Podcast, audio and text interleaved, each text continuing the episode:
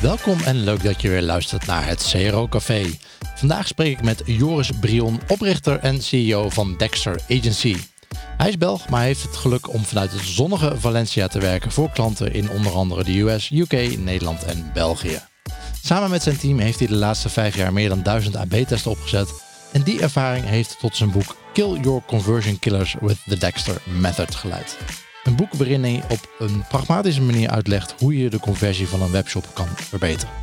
Daarnaast is hij ook gastdocent Data-Driven Conversion Optimization aan de Hogeschool Gent in België en runt hij de E-Commerce Excellence podcast. Vandaag gaan we het onder andere hebben over het verkopen van CRO als service aan klanten. Ik ben Guido Jansen en welkom in het CRO Café, de podcast waarin ik je een kijkje achter de schermen geef bij optimalisatieteams in Nederland en met hun specialisten praat over data en mensgedreven optimalisatie en het neerzetten van een cultuur van experimenteren en valideren. Mocht je hem gemist hebben, in de vorige Engelstalige aflevering sprak ik met Marta Florentina Saratovic, data-analyst bij Pandora en hadden we het onder andere over ITP. Die aflevering kun je terugluisteren via cero.café slash afleveringen of via de app waarin je nu aan het luisteren bent. Deze aflevering van het CRO Café wordt mede mogelijk gemaakt door onze partners Convert.com, Content Square, Sitespect en Online Dialogue.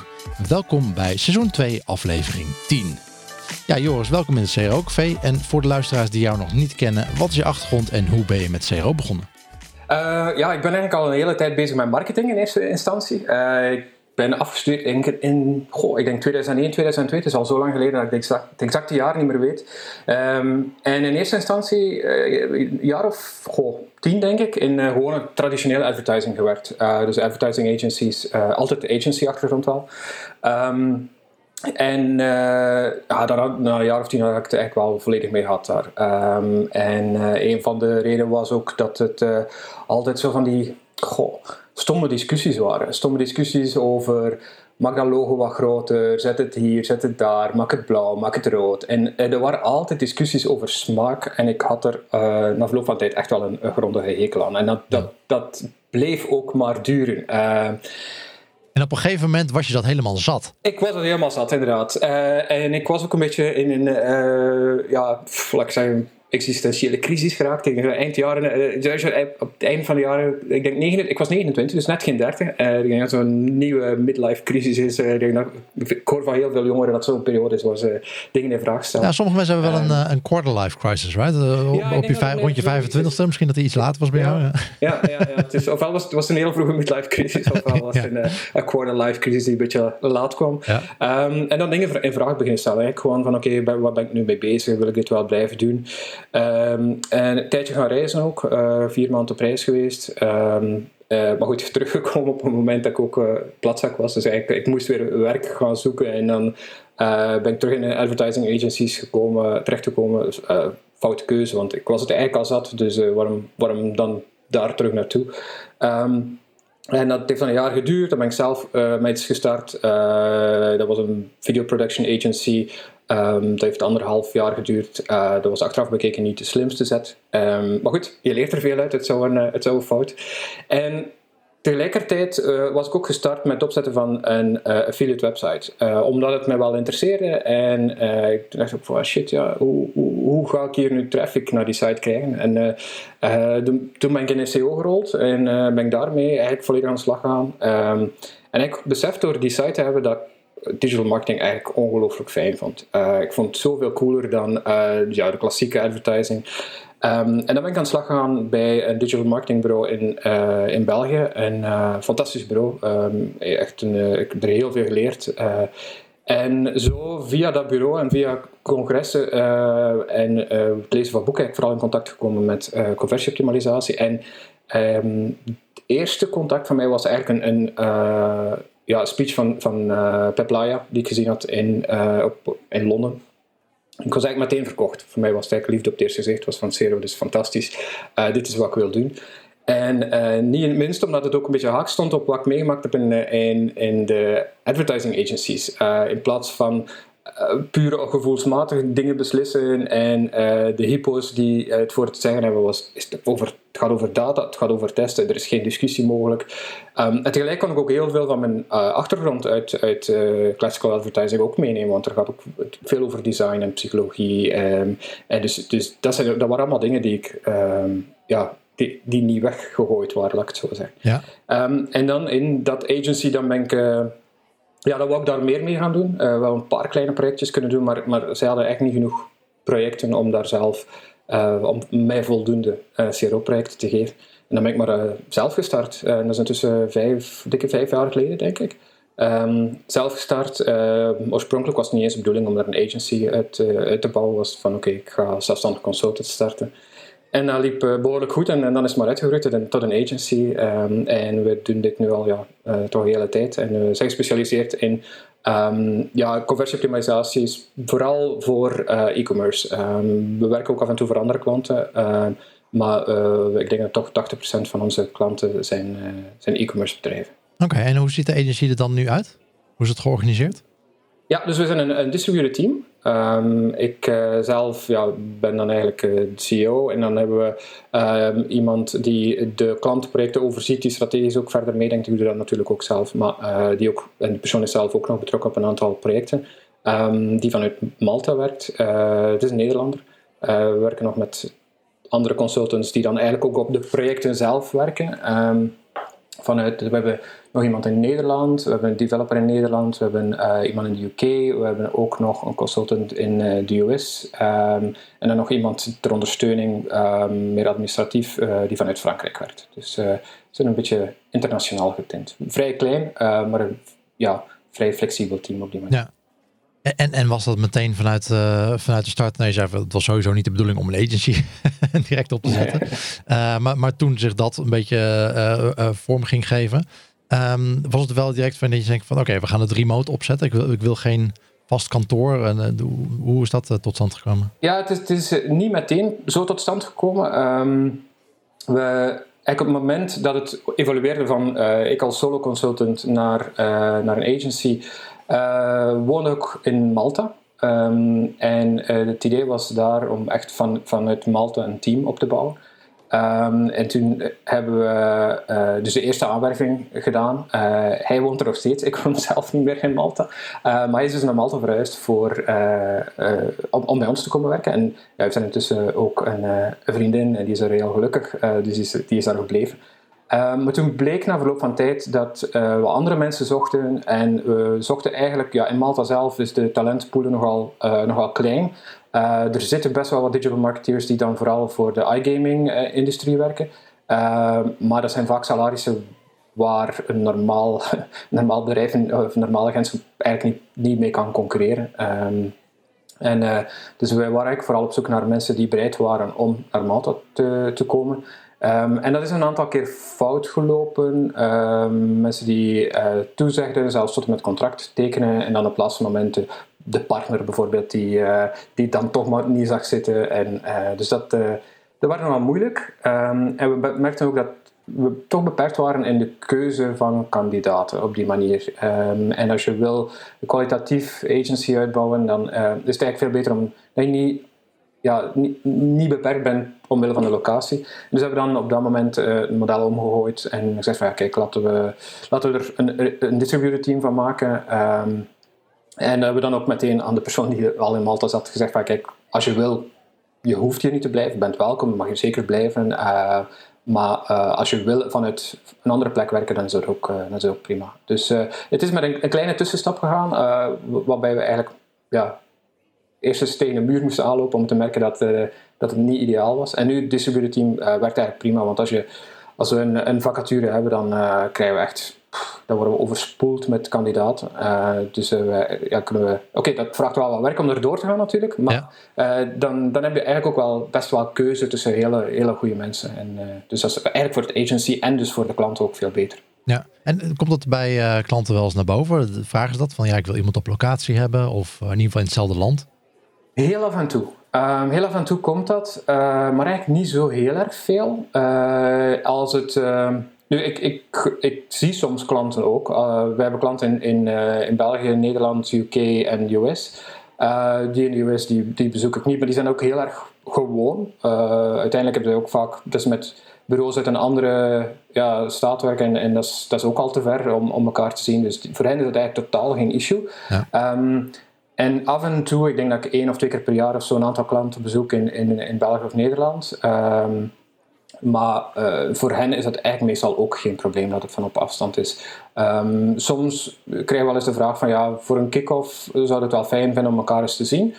Prima, dan proberen we dat uh, zo in te richten. En ja. uh, als dat om de zoveel maand is, dan, dan kan dat ook nog altijd. Maar we gaan natuurlijk niet wekelijks bij een klant langs gaan op dat moment. Nee. Betekent wel dat we echt wel extra veel aandacht besteden aan de communicatie met de klant. Uh, dus het een bijvoorbeeld maandelijkse uh, minimaal maandelijkse calls met de, met de klant, wekelijkse updates. Som, met sommige klanten doen we wekelijks een call. Um, dus we communiceren heel erg veel, uh, zodanig dat ze ook heel duidelijk zien waar we mee bezig zijn. Um, dus dat, dat is wel iets wat je dan moet proberen te compenseren met, met een distributed team, denk ik. En, en ja, wat, voor, wat voor diensten leveren jullie aan klanten? Want ja, CRO dat kan natuurlijk heel breed zijn, of tenminste uh, sommige mensen buiten onze industrie denken nog steeds dat het gaat om testen van kleurknopjes, de kleurknopjes natuurlijk. Maar het is veel breder dan dat. Dus wat, wat voor diensten leveren jullie dan aan klanten? Ja, dus wij zijn ook oorspronkelijk zo gestart met, met focus puur op de site. dus eigenlijk het optimaliseren van de site op basis van onderzoek. Altijd onderzoeken eerst en dan gevolgd door, door een aantal implementaties die bijvoorbeeld zo'n no-brainer zijn dat die echt wel moeten doorgevoerd worden. Um, en dan gevolgd door AB-testing. Ehm, we zijn het laatste jaar eigenlijk wel voor een groot stuk geëvolueerd naar een holistischere aanpak, waarbij we eigenlijk kijken naar, uh, naar, naar de, de, traffic die de klant al heeft en dan kijken we hoe we daar meer mee kunnen doen. Um, omdat het niet enkel gaat over uh, het optimaliseren van de site, maar vaak zit het in het optimaliseren van marketing automations of het opzetten van marketing automation die, die ervoor zorgen dat de bezoekers die ze dan hebben, dat ze er dan eigenlijk veel meer kunnen uithalen. Of dat de klanten die ze al hebben, dat ze er um, meer en vaker aan kunnen verkopen. Um, dus het gaat eigenlijk over. Wij zien conversieoptimalisatie veel meer als. Um, ik ga er waarschijnlijk straks ook nog op komen. Ik heb een hekel aan, aan de term conversieratio-optimalisatie. we zien het veel breder dan enkel de conversieratio. Uh, we, kijken echt naar hoe optimaliseren we de revenue uh, van een klant met de traffic die ze al hebben. Dus uh, dat, dat betekent ook bijvoorbeeld kijken naar manieren om de average order value te verhogen. Uh, kijken naar, naar dus die marketing automations, kijken van zit de retargeting wel goed, want het is al traffic die je al hebt, hoe krijgen we die terug als die nog niet klaar zijn. Dus het is meer kijken naar de hele customer lifecycle um, en hoe we daar meer uithalen dan puur uh, enkel en alleen naar de site. Werk je aan een front-end AB-test en heb je ook last van de bekende flikkeringen in je variaties? Dit kan natuurlijk je testresultaten beïnvloeden en een positief testresultaat neutraliseren. Probeer Convert.com's AB-testing software die Smart Insert technologie gebruikt en die flikkeringen voorkomt. Vijf keer snellere support via 24/7 chat, de helft goedkoper en het bedrijf is daarnaast maar liefst 15 keer carbon positive. Je doet dus jezelf, je bedrijf en de volgende generatie een plezier door hun website convert.com sneller eens te bezoeken. En, en dat onderzoek dat je, dat je dan doet, ben ik wel benieuwd naar. Uh, sommige, uh, nee, je kan natuurlijk eh, heel veel online dingen gebruiken. Maar specifiek voor een remote team kan ik me voorstellen dat het juist lastig is om, om klantinterviews te doen bijvoorbeeld. Ja. Is dat dan iets dat jullie ook niet doen of, of besteed je dat uit? Of, of? Nee, dus in principe hebben we daar nog niet echt tegen aangelopen. het enige wat voor een remote team ehm, zeer moeilijk, kan niet zijn onmogelijk, maar zeer moeilijk op te zetten is, is wanneer je bijvoorbeeld usability testing in een, in, in, in, in fysieke omgeving wil doen. Als je mensen wil uitnodigen op, op kantoor uh, daarvoor. Um, maar eerlijk gezegd denk ik niet dat dat zo'n groot probleem hoeft te zijn. Wij uh, doen user testing bijvoorbeeld met, met het, ja, de, de gekende tools, met de usertesting.com bijvoorbeeld, userfeel, waar ik ook soms mee. Uh, vroeger gebruikten we vaak ook wat users doen, maar die zijn nu overgekocht door, ik weet niet meer wie. Um, anyway, dus we merken ook wel dat we daar minstens even goede resultaten mee halen. Um, we hebben gezien bij een van onze klanten die uh, al usability testing in-house deden uh, op wekelijkse basis. die dat al een hele lange periode deden. Wij hebben met 10 user tests online evenveel en meer issues eruit gehaald als zij overal die periode met mensen, in, in, met mensen in hun kantoor. Dus het, hoeft geen probleem te zijn, uh, denk ik. Maar dat is het moeilijkste, denk ik. Uh, al de rest kun je, kun je in principe van op afstand opzetten. Um, ja. Dus ja. Ja, oké. En, en waar optimaliseren jullie me meestal voor bij klanten? Want je hebt het over de customer, nou ja, customer lifetime value willen we allemaal heel graag op sturen. bij heel veel klanten is dat überhaupt niet bekend of, of super lastig om dat te berekenen. laat, laat, staan dat je daar een wekelijkse rapportage over krijgt. Dus hoe pakken jullie dat aan?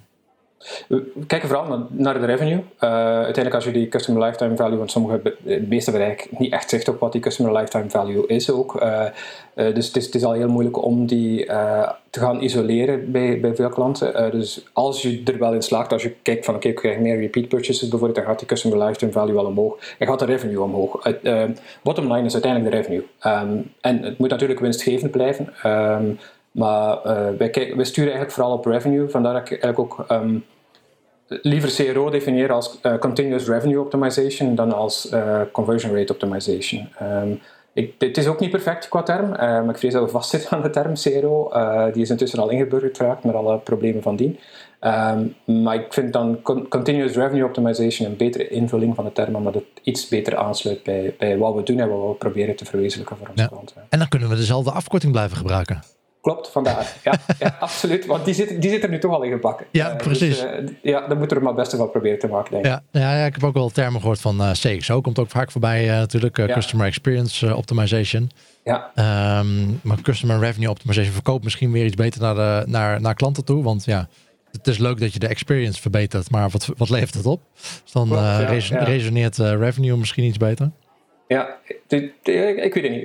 laten we, laten we een push geven dat iedereen plus uh, continuous revenue optimization of, of customer revenue optimization gebruikt. Uh, dat hebben we er toch een betere invulling aan de term gegeven.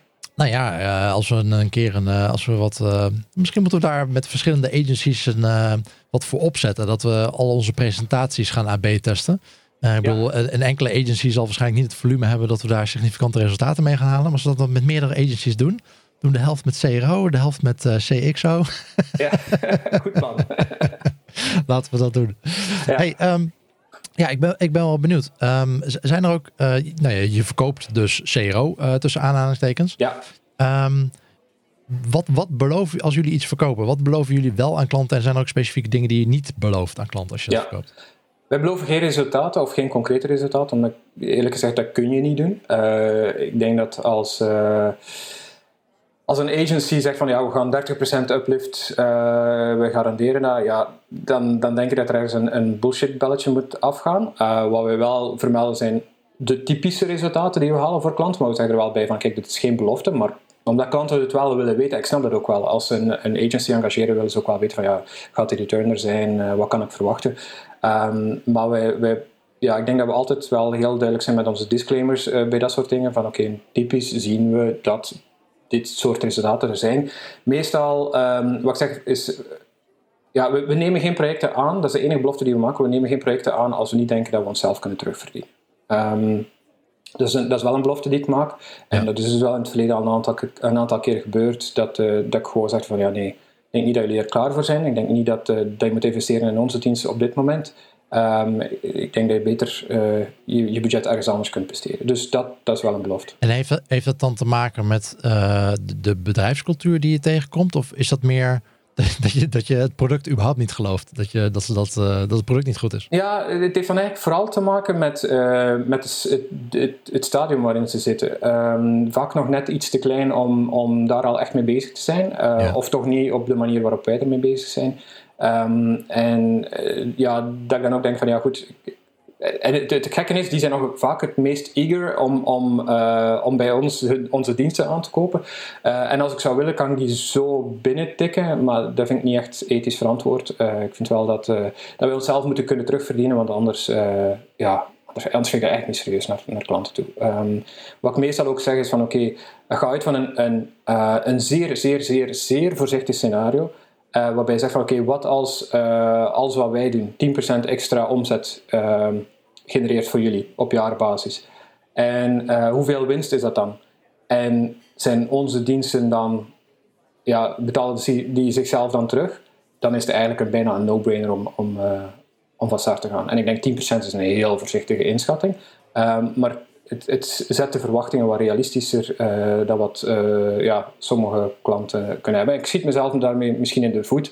Uh, ik weet dat sommige mensen ja, gaan voor puur de sales. En als ik zou zeggen ja, 50%, 100% gegarandeerd, ja, dan, dan tekenen die vandaag in.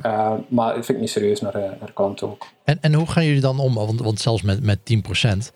Kijk, dat is, dat is een beetje de, de paradox van, van het werk dat we doen natuurlijk. Dat we met één AB-test kunnen we heel goed zien van oké, dit werkt beter dan dat. En uh, dat is het significantieniveau, dit is de effect size.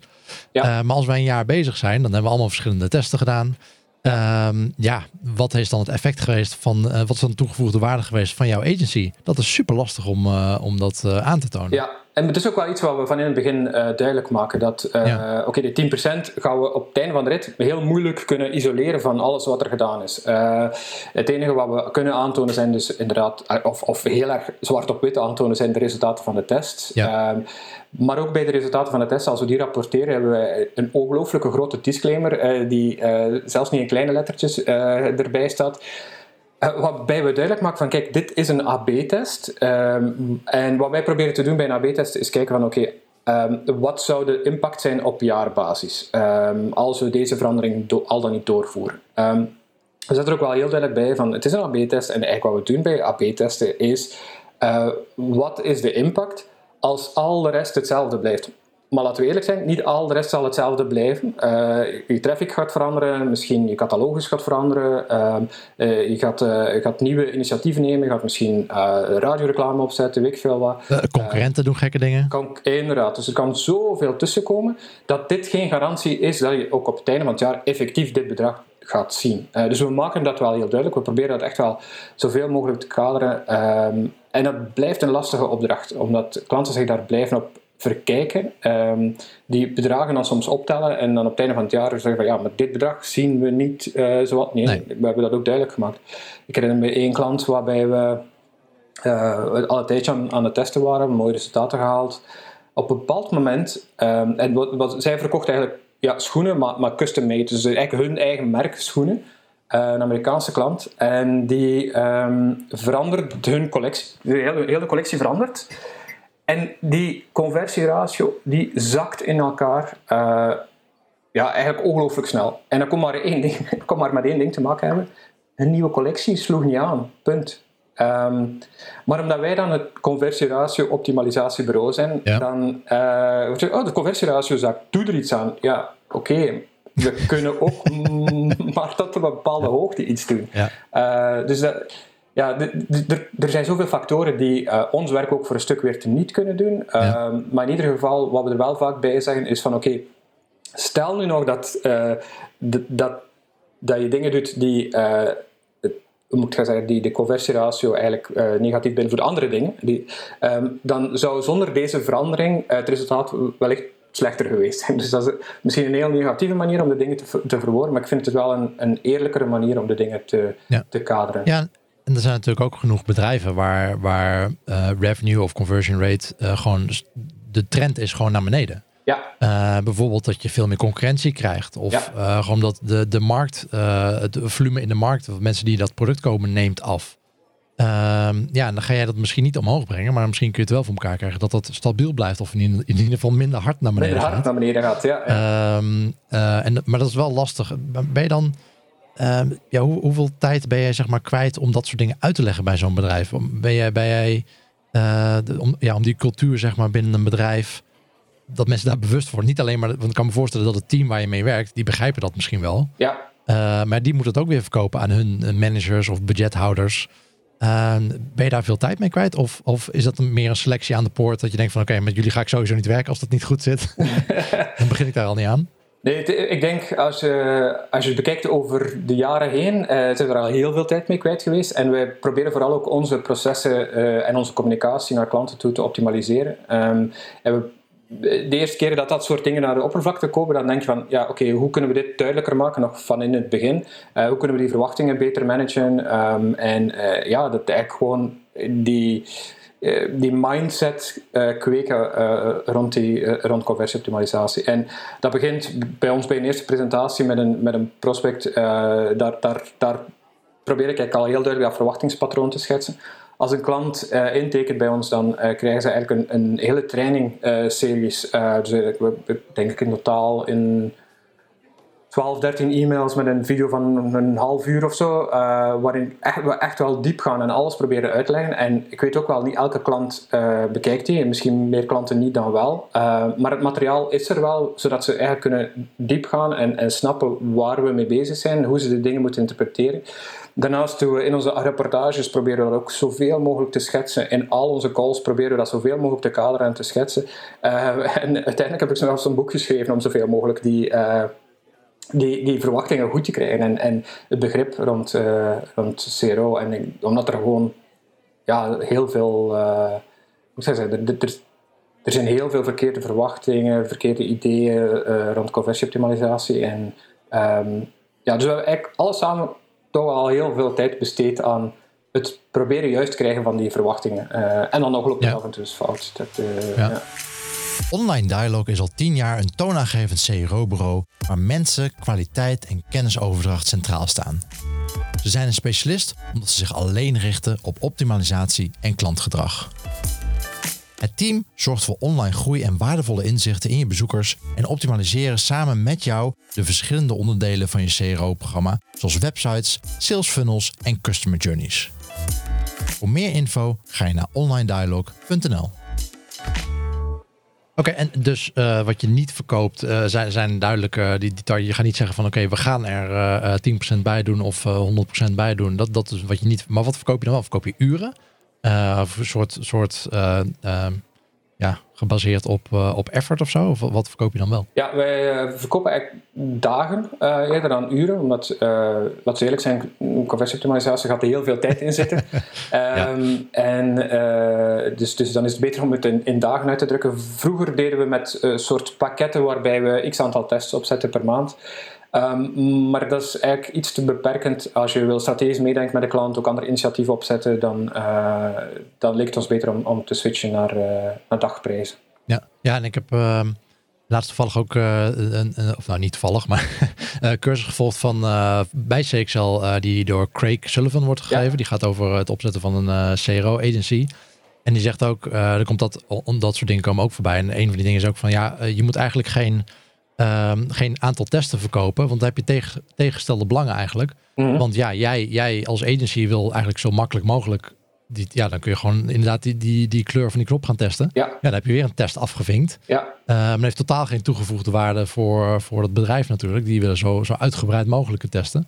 Uh, dus dat is, dat is niet een handige manier om, uh, om dat uh, te doen. Nee, het is, het, is een, het is een moeilijke oefening, vind ik, om, om het juiste model te vinden.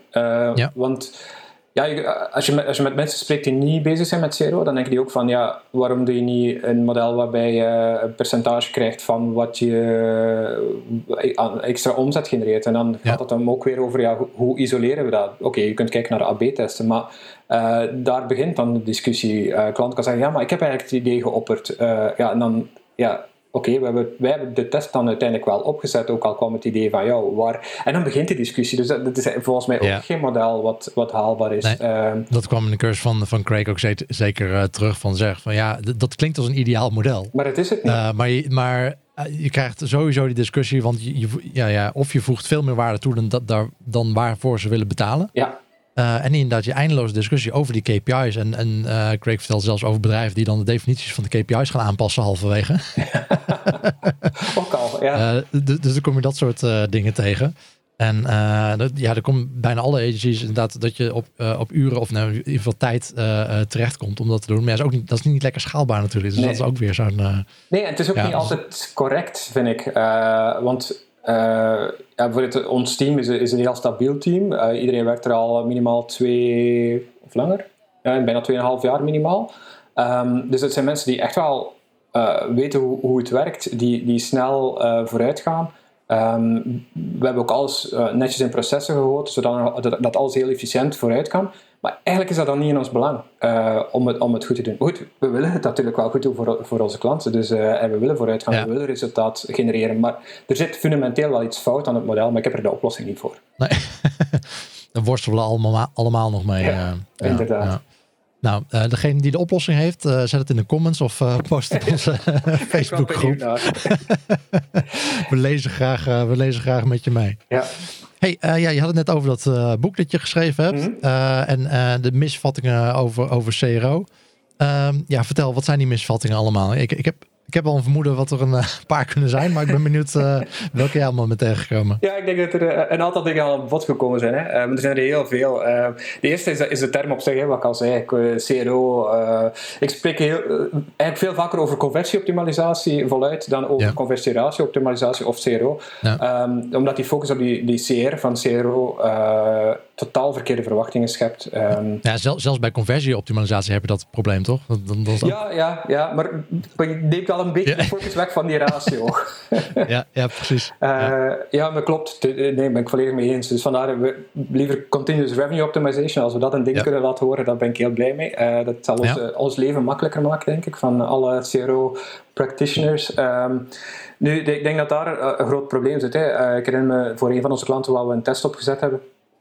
En uh, die conversieratio van de variant die uh, lag duidelijk lager dan, dan die van de, van de, van de control. En toch hebben we het doorgevoerd, want hun winst was veel keren groter. Omdat in, de, in de variant hadden we een upsell waar hun marges een pak interessanter door werden. Um, en dan kun je zeggen, ja, de conversieratio ligt lager, dus we voeren hem niet door. Ja, bullshit natuurlijk. De, de winst die gaat, op, die gaat erop vooruit. Dus dan moet je die met de lagere conversieratio wel gewoon doorvoeren. Dus ik denk dat dat een, eerste groot misverstand is. Ehm, een, een, een, tweede, wat ik toch ook vaak tegenaan loop, maar dat is misschien rapper met, met iets kleinere bedrijven die nog niet zo matuur zijn in hun evolutie, of een digital marketing evolutie, is dat er heel vaak gedacht wordt dat het een, een quick fix is. Um, we gaan dus twee maanden conversieoptimalisatie doen en dan zijn we er vanaf. Um, het is uh, toch ook wel iets waar, wat ik vaak merk. Een ander is ook de, de verwarring tussen conversieoptimalisatie en AB-testing. Heel veel mensen denken dat dat exact hetzelfde is. Uh, en voor mij is AB-testing een deel van conversieoptimalisatie, maar het is misschien nog niet eens het belangrijkste deel. Ik denk dat een goed onderzoek voeren uh, misschien het allerbelangrijkste deel is van, uh, van conversieoptimalisatie. En een goede manier om je data te verzamelen en je data te begrijpen is wellicht nog belangrijker dan, dan zomaar AB-testen. Um, en iets wat ik, wat ook heel vaak uh, nog een misverstand is, is de manier waarop de dingen gedaan worden. Het, zomaar volgen van uh, case studies. Uh, daar, ja, daar word ik wat, wat vervelend van. Dus dan zie je een case study en uh, die heeft dan een geweldig resultaat en dan gaat iedereen plots zomaar doorvoeren, want het heeft gewerkt op die site, uh, ik heb die case study gelezen en weet je nog niet eens of die case study wel een hele goede case study is. Misschien hebben ze getest met, weet veel, met 100 bezoekers, eh, letterlijk ook al zo gezien. Artikels waar we staat van ja, we hebben getest met 100 bezoekers in controle en 100 in variatie. ja, oké, okay. daar heb je niks aan. maar dan staat dan wel een spectaculaire kop van 190% meer uh, ja, meer sign-ups door, door deze. Ja, nee. Uh, dus ik denk dat case studies. Ik denk, als je, als je eigenlijk niks van conversieoptimalisatie kent, kun je er maar veel beter van wegblijven dan, uh, dan ze te volgen. Uh, omdat de kans te groot is dat je in de verleiding komt om dingen te gaan doorvoeren op, op je site die voor jou eigenlijk een conversiekiller zijn en voor een ander, ja, voor misschien gewerkt hebben. Um, ik denk dat dat een, grote misvatting is. Um, een ander ook denk dat het er heel veel focus gaat in, in ons vak uh, naar, naar het uh, vinden van winnaars. Uh, en ik vind CRO, CRO net zoveel, of net zo belangrijk om verliezers te vermijden. Um, omdat er worden heel vaak dingen gewoon doorgevoerd. En we blijven met z'n allen, omdat ik denk dat dat een leuke boodschap is. Dat is ook een leuke boodschap. Om te zeggen, hey, we hebben hier die winnaar gevonden en, en dat heeft zoveel opgebracht. Of dat gaat waarschijnlijk zoveel opbrengen. maar het is net zo belangrijk om te zeggen van, oef, gelukkig dat we dit niet doorgevoerd hebben, uh, want we, het zou ons zoveel geld gekost hebben. Um, ja, of, of het, niet alleen maar dat het, uh, dat het op de website niet werkt, mm maar dat het gewoon geld kost om dingen door te voeren. Het kost development tijd. Ja. Ik heb ook wel, uh, vaak maak ik mee dat als je begint met CRO bij een bedrijf, dat doorvoeren. In het begin vindt het development team het eigenlijk een beetje vervelend, want het voelt als extra werk. Want ze moeten varianten van de website maken die, die ze uiteindelijk misschien, ja, sowieso gaan, gaan ze er maar eentje doorvoeren uiteindelijk. Als er al iets door, anders de, als er iets van uh, veranderd gaat worden. Um, maar op een gegeven moment, dan, dan, dan gaan ze ook bij de development team zien, hey, maar of we gaan iets valideren mm. uh, en dan zijn we daar een halve dag mee bezig. En dan blijkt dat het niet werkt, of, uh, ja, of negatief werkt zelfs. Um, maar we gaan het in ieder geval niet doen. En dat, dat bespaart ons misschien een heel project van enkele weken. Um, en dan uh, dat, dat uh, bespaart weer tijd, uh, zodat we andere dingen kunnen doen die wel waarde toevoegen. Ja, klopt. En genoeg development teams die enorme frustratie hebben over dingen die doorgevoerd worden, waar ze maanden mee bezig zijn geweest. En die dan vervolgens totaal geen effect hebben, niet meer gebruikt worden. Dat is super frustrerend. Ja, ja, ja absoluut. absoluut. Maar, het, maar het is wel belangrijk om te weten dat je eigenlijk ja. dodge the bullet, uh, zoals ze in het Engels zeggen. Dus het, is, het is wel belangrijk die, die verliezers eruit halen ook. Want, En ik, ik herinner me één case van een klant van ons die ehm, uh, die, de Amerikaanse klant die waren eigenlijk net gestart met ons en ze hadden ervoor met een aantal uh, agencies gesproken. En zij hadden um, niet zo die typische benefits bar die je bovenaan ziet op, uh, op, op veel webshops, zo'n snelle levering, gratis retour, dat soort dingen. Um, en de, een van de agencies waar ze mee gesproken hadden, die zouden zeggen van ja, dat is een no-brainer, voeg die gewoon toe, doe dat maar, um, kan geen kwaad. Ik was ik was er niet mee eens ik dacht van, het is, we hebben nog niet genoeg voeling met deze site en met, met doel publiek. Laten we dit zeker, zeker testen. Uh, niet zomaar gaan doorvoeren. We hebben, uh, we hebben dat getest en uh, dat bleek een hele dikke verliezer te zijn. er was een 99% kans op een miljoen omzetverlies per jaar. dat was het resultaat. Ik denk van, ja. oké, dit is minstens even belangrijk als het vinden van winnaars. Uh, en, en, iedereen komt op een bepaald moment wel in de verleiding om, om dingen zomaar te gaan implementeren. Uh, maar kijk, als je dat soort dingen implementeert, dan, dan kan het een grote verliezer zijn. En um, dan zou je kunnen denken van ja, maar ja, goed, dat merken we dan wel als het live gaat, eh, dat die conversieratio zakt. Maar op, op een grote site kan, een, kan een kleine schommeling zijn van, van 1,9 naar 1,85 procent. En dan denk ik van, zal, zal wel weer aantrekken. Of uh, dan ga je misschien eens kijken van is er iets in het verkeer uh, samenstelling veranderd. Of, uh, maar daar maak ik geen zorgen over. maar die daling, over, als je dat doortrekt over, over een aantal maanden, ja, dan kan dat direct een flinke, flinke pak geld zijn. Dus, ja denk dat, uh... ja, dat is ook een belangrijke toegevoegde waarde natuurlijk van, uh, van CRO uh, eh, als programma, zeg maar, dat je dat bij een bedrijf hebt. Dat je inderdaad dat soort dingen niet gaat doorvoeren. Dat je development tijd bespaart. Ook, ja. en dat, maar dat is inderdaad vaak niet waar mensen naar kijken aan het eind van het jaar van wat heb je opgebracht. dan worden dat soort dingen niet meegenomen. Dat is ook weer een lastige. Ja, klopt. Ik denk dat een, een andere frustratie, of, of ja, nee, frustratie, misvatting over CRO, laat ik het zo noemen. Die misvattingen over CRO zijn vaak frustraties bij ons. Eh, ja, ja. Uh, ik denk, uh, de hele reeks aan spectaculaire case studies die je online vindt, die totaal verkeerde verwachtingen scheppen. Um, ik denk, ja, een, een, een increase van, van 150% bijvoorbeeld, dat, dat, dat kan wel met één test, maar het is zeer onwaarschijnlijk dat dat ook bij jou gaat gebeuren. Maar dan komen klanten bij je aankloppen en denken van, oh, uh, dit gaan we weer snel, snel fixen. Een paar tests en, uh, van 150% en, uh, en, en, het is in orde. Dus ik denk dat, dat er heel veel case studies en, en, blogposts zijn die ja, verkeerde verwachtingen scheppen over ja, CRO. Zeker als je al op een bepaald niveau zit van een site die eigenlijk al redelijk goed is dan, dan, spreken we over winnaars van 5%, 10%, 15%. Dat zijn mooie winnaars. Uh, dan, dan, dan, ja, dan, kun je eigenlijk niet verwachten dat je plots uh, een winnaar vindt van 100%, 150%. dat is zeer onrealistisch. Ja. SiteSpect biedt wereldwijd een unieke AB-testing, personalisatie en product recommendation oplossing. SiteSpect werkt server-side, dus zonder tags of scripts, waardoor een optimale performance gegarandeerd is. De SiteSpect-oplossing elimineert vertragingen en kans op flikkereffecten. Tevens zorgt deze aanpak ervoor dat de huidige en toekomstige browser security regels zoals ITP en ETP geen impact hebben op het AB-testen en personaliseren met SiteSpect. Voor meer informatie hierover ga je naar sitespect.com. En, en ook de, de ratio van winnaars ten opzichte van verliezers of, of uh, sites, uh, de testen die niks doen die wordt steeds groter natuurlijk. Eh, ja.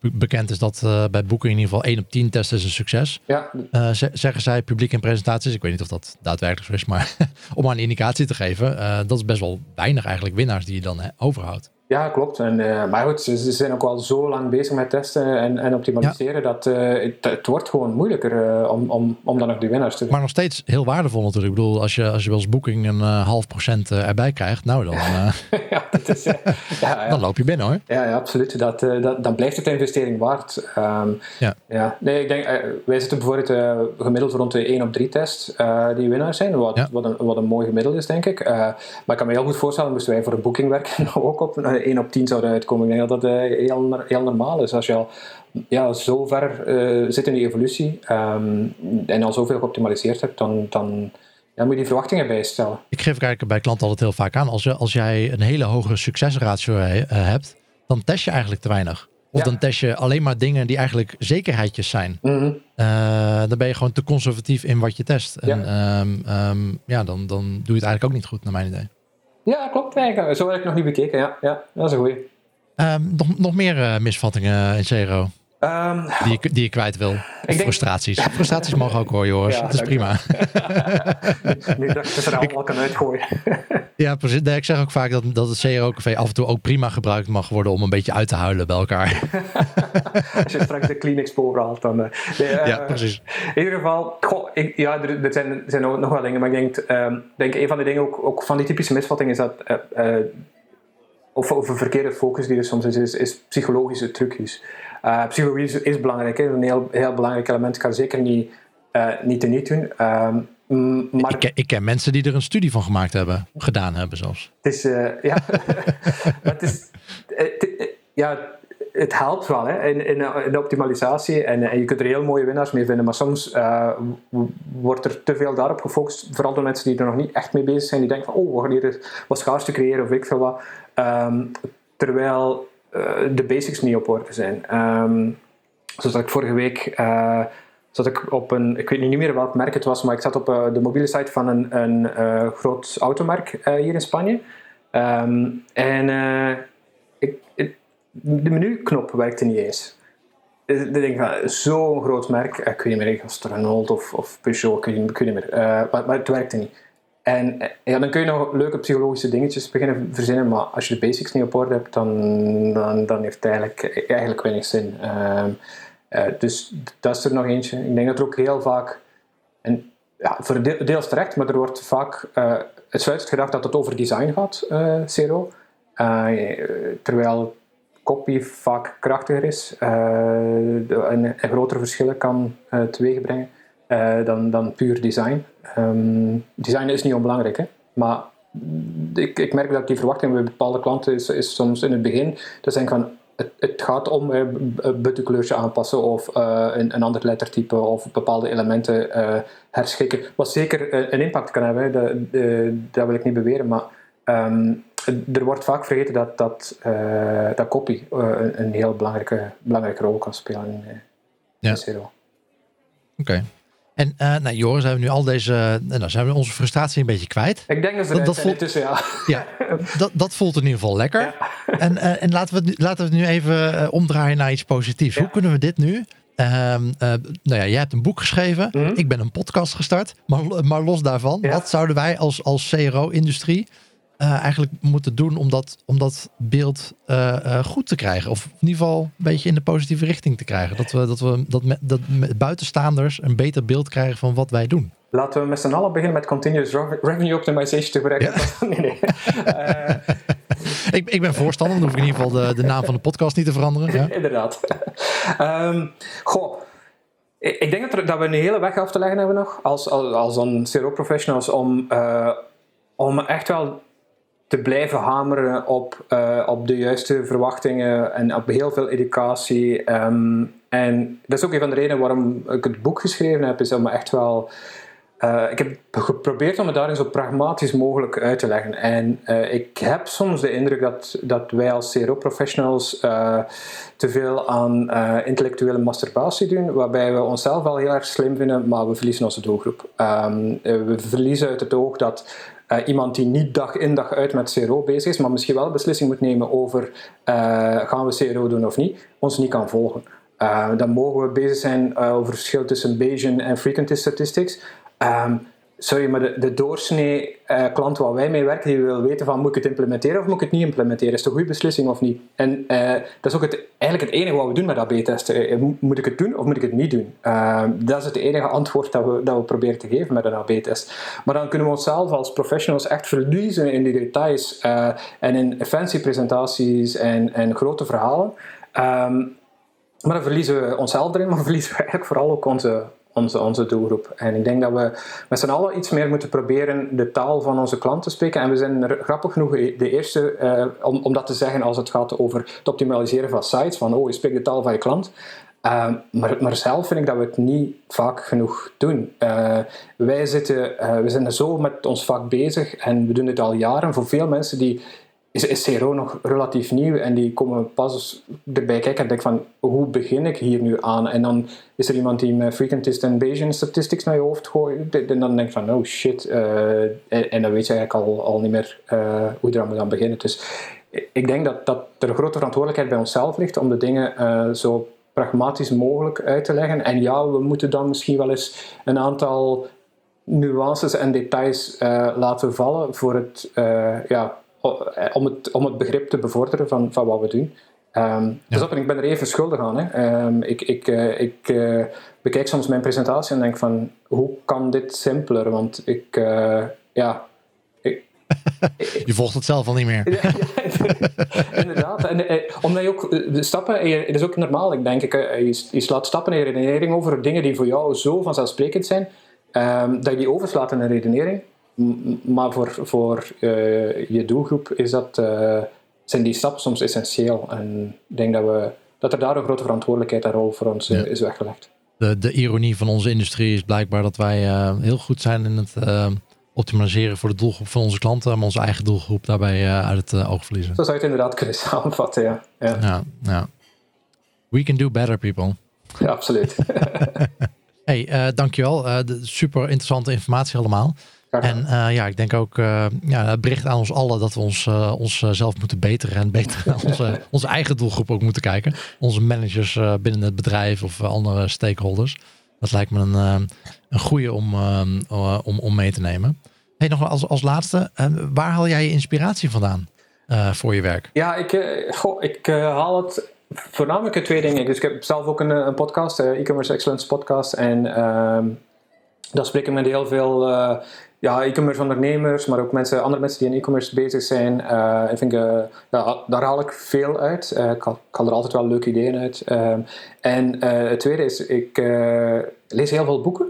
Um, en heel veel businessboeken. luister ook veel naar podcasts. Ik ben wat gestopt met blogposts lezen. Um, omdat ik daar ik had, ik had een beetje last van het uh, shiny object syndrome, uh, waarbij je dan altijd denkt van, oh ja, shit, dat moet ik proberen, dat moet ik proberen, en dan uh, spring je van het een naar het ander, en dan uiteindelijk kom je nergens uit. Dus, yep. ja, en in plaats daarvan luister ik wel meer naar podcasts en, en, en lees ik vooral heel veel boeken. En die boeken die genereren ook nog vaak zoiets van, oh shit, dat moet ik proberen.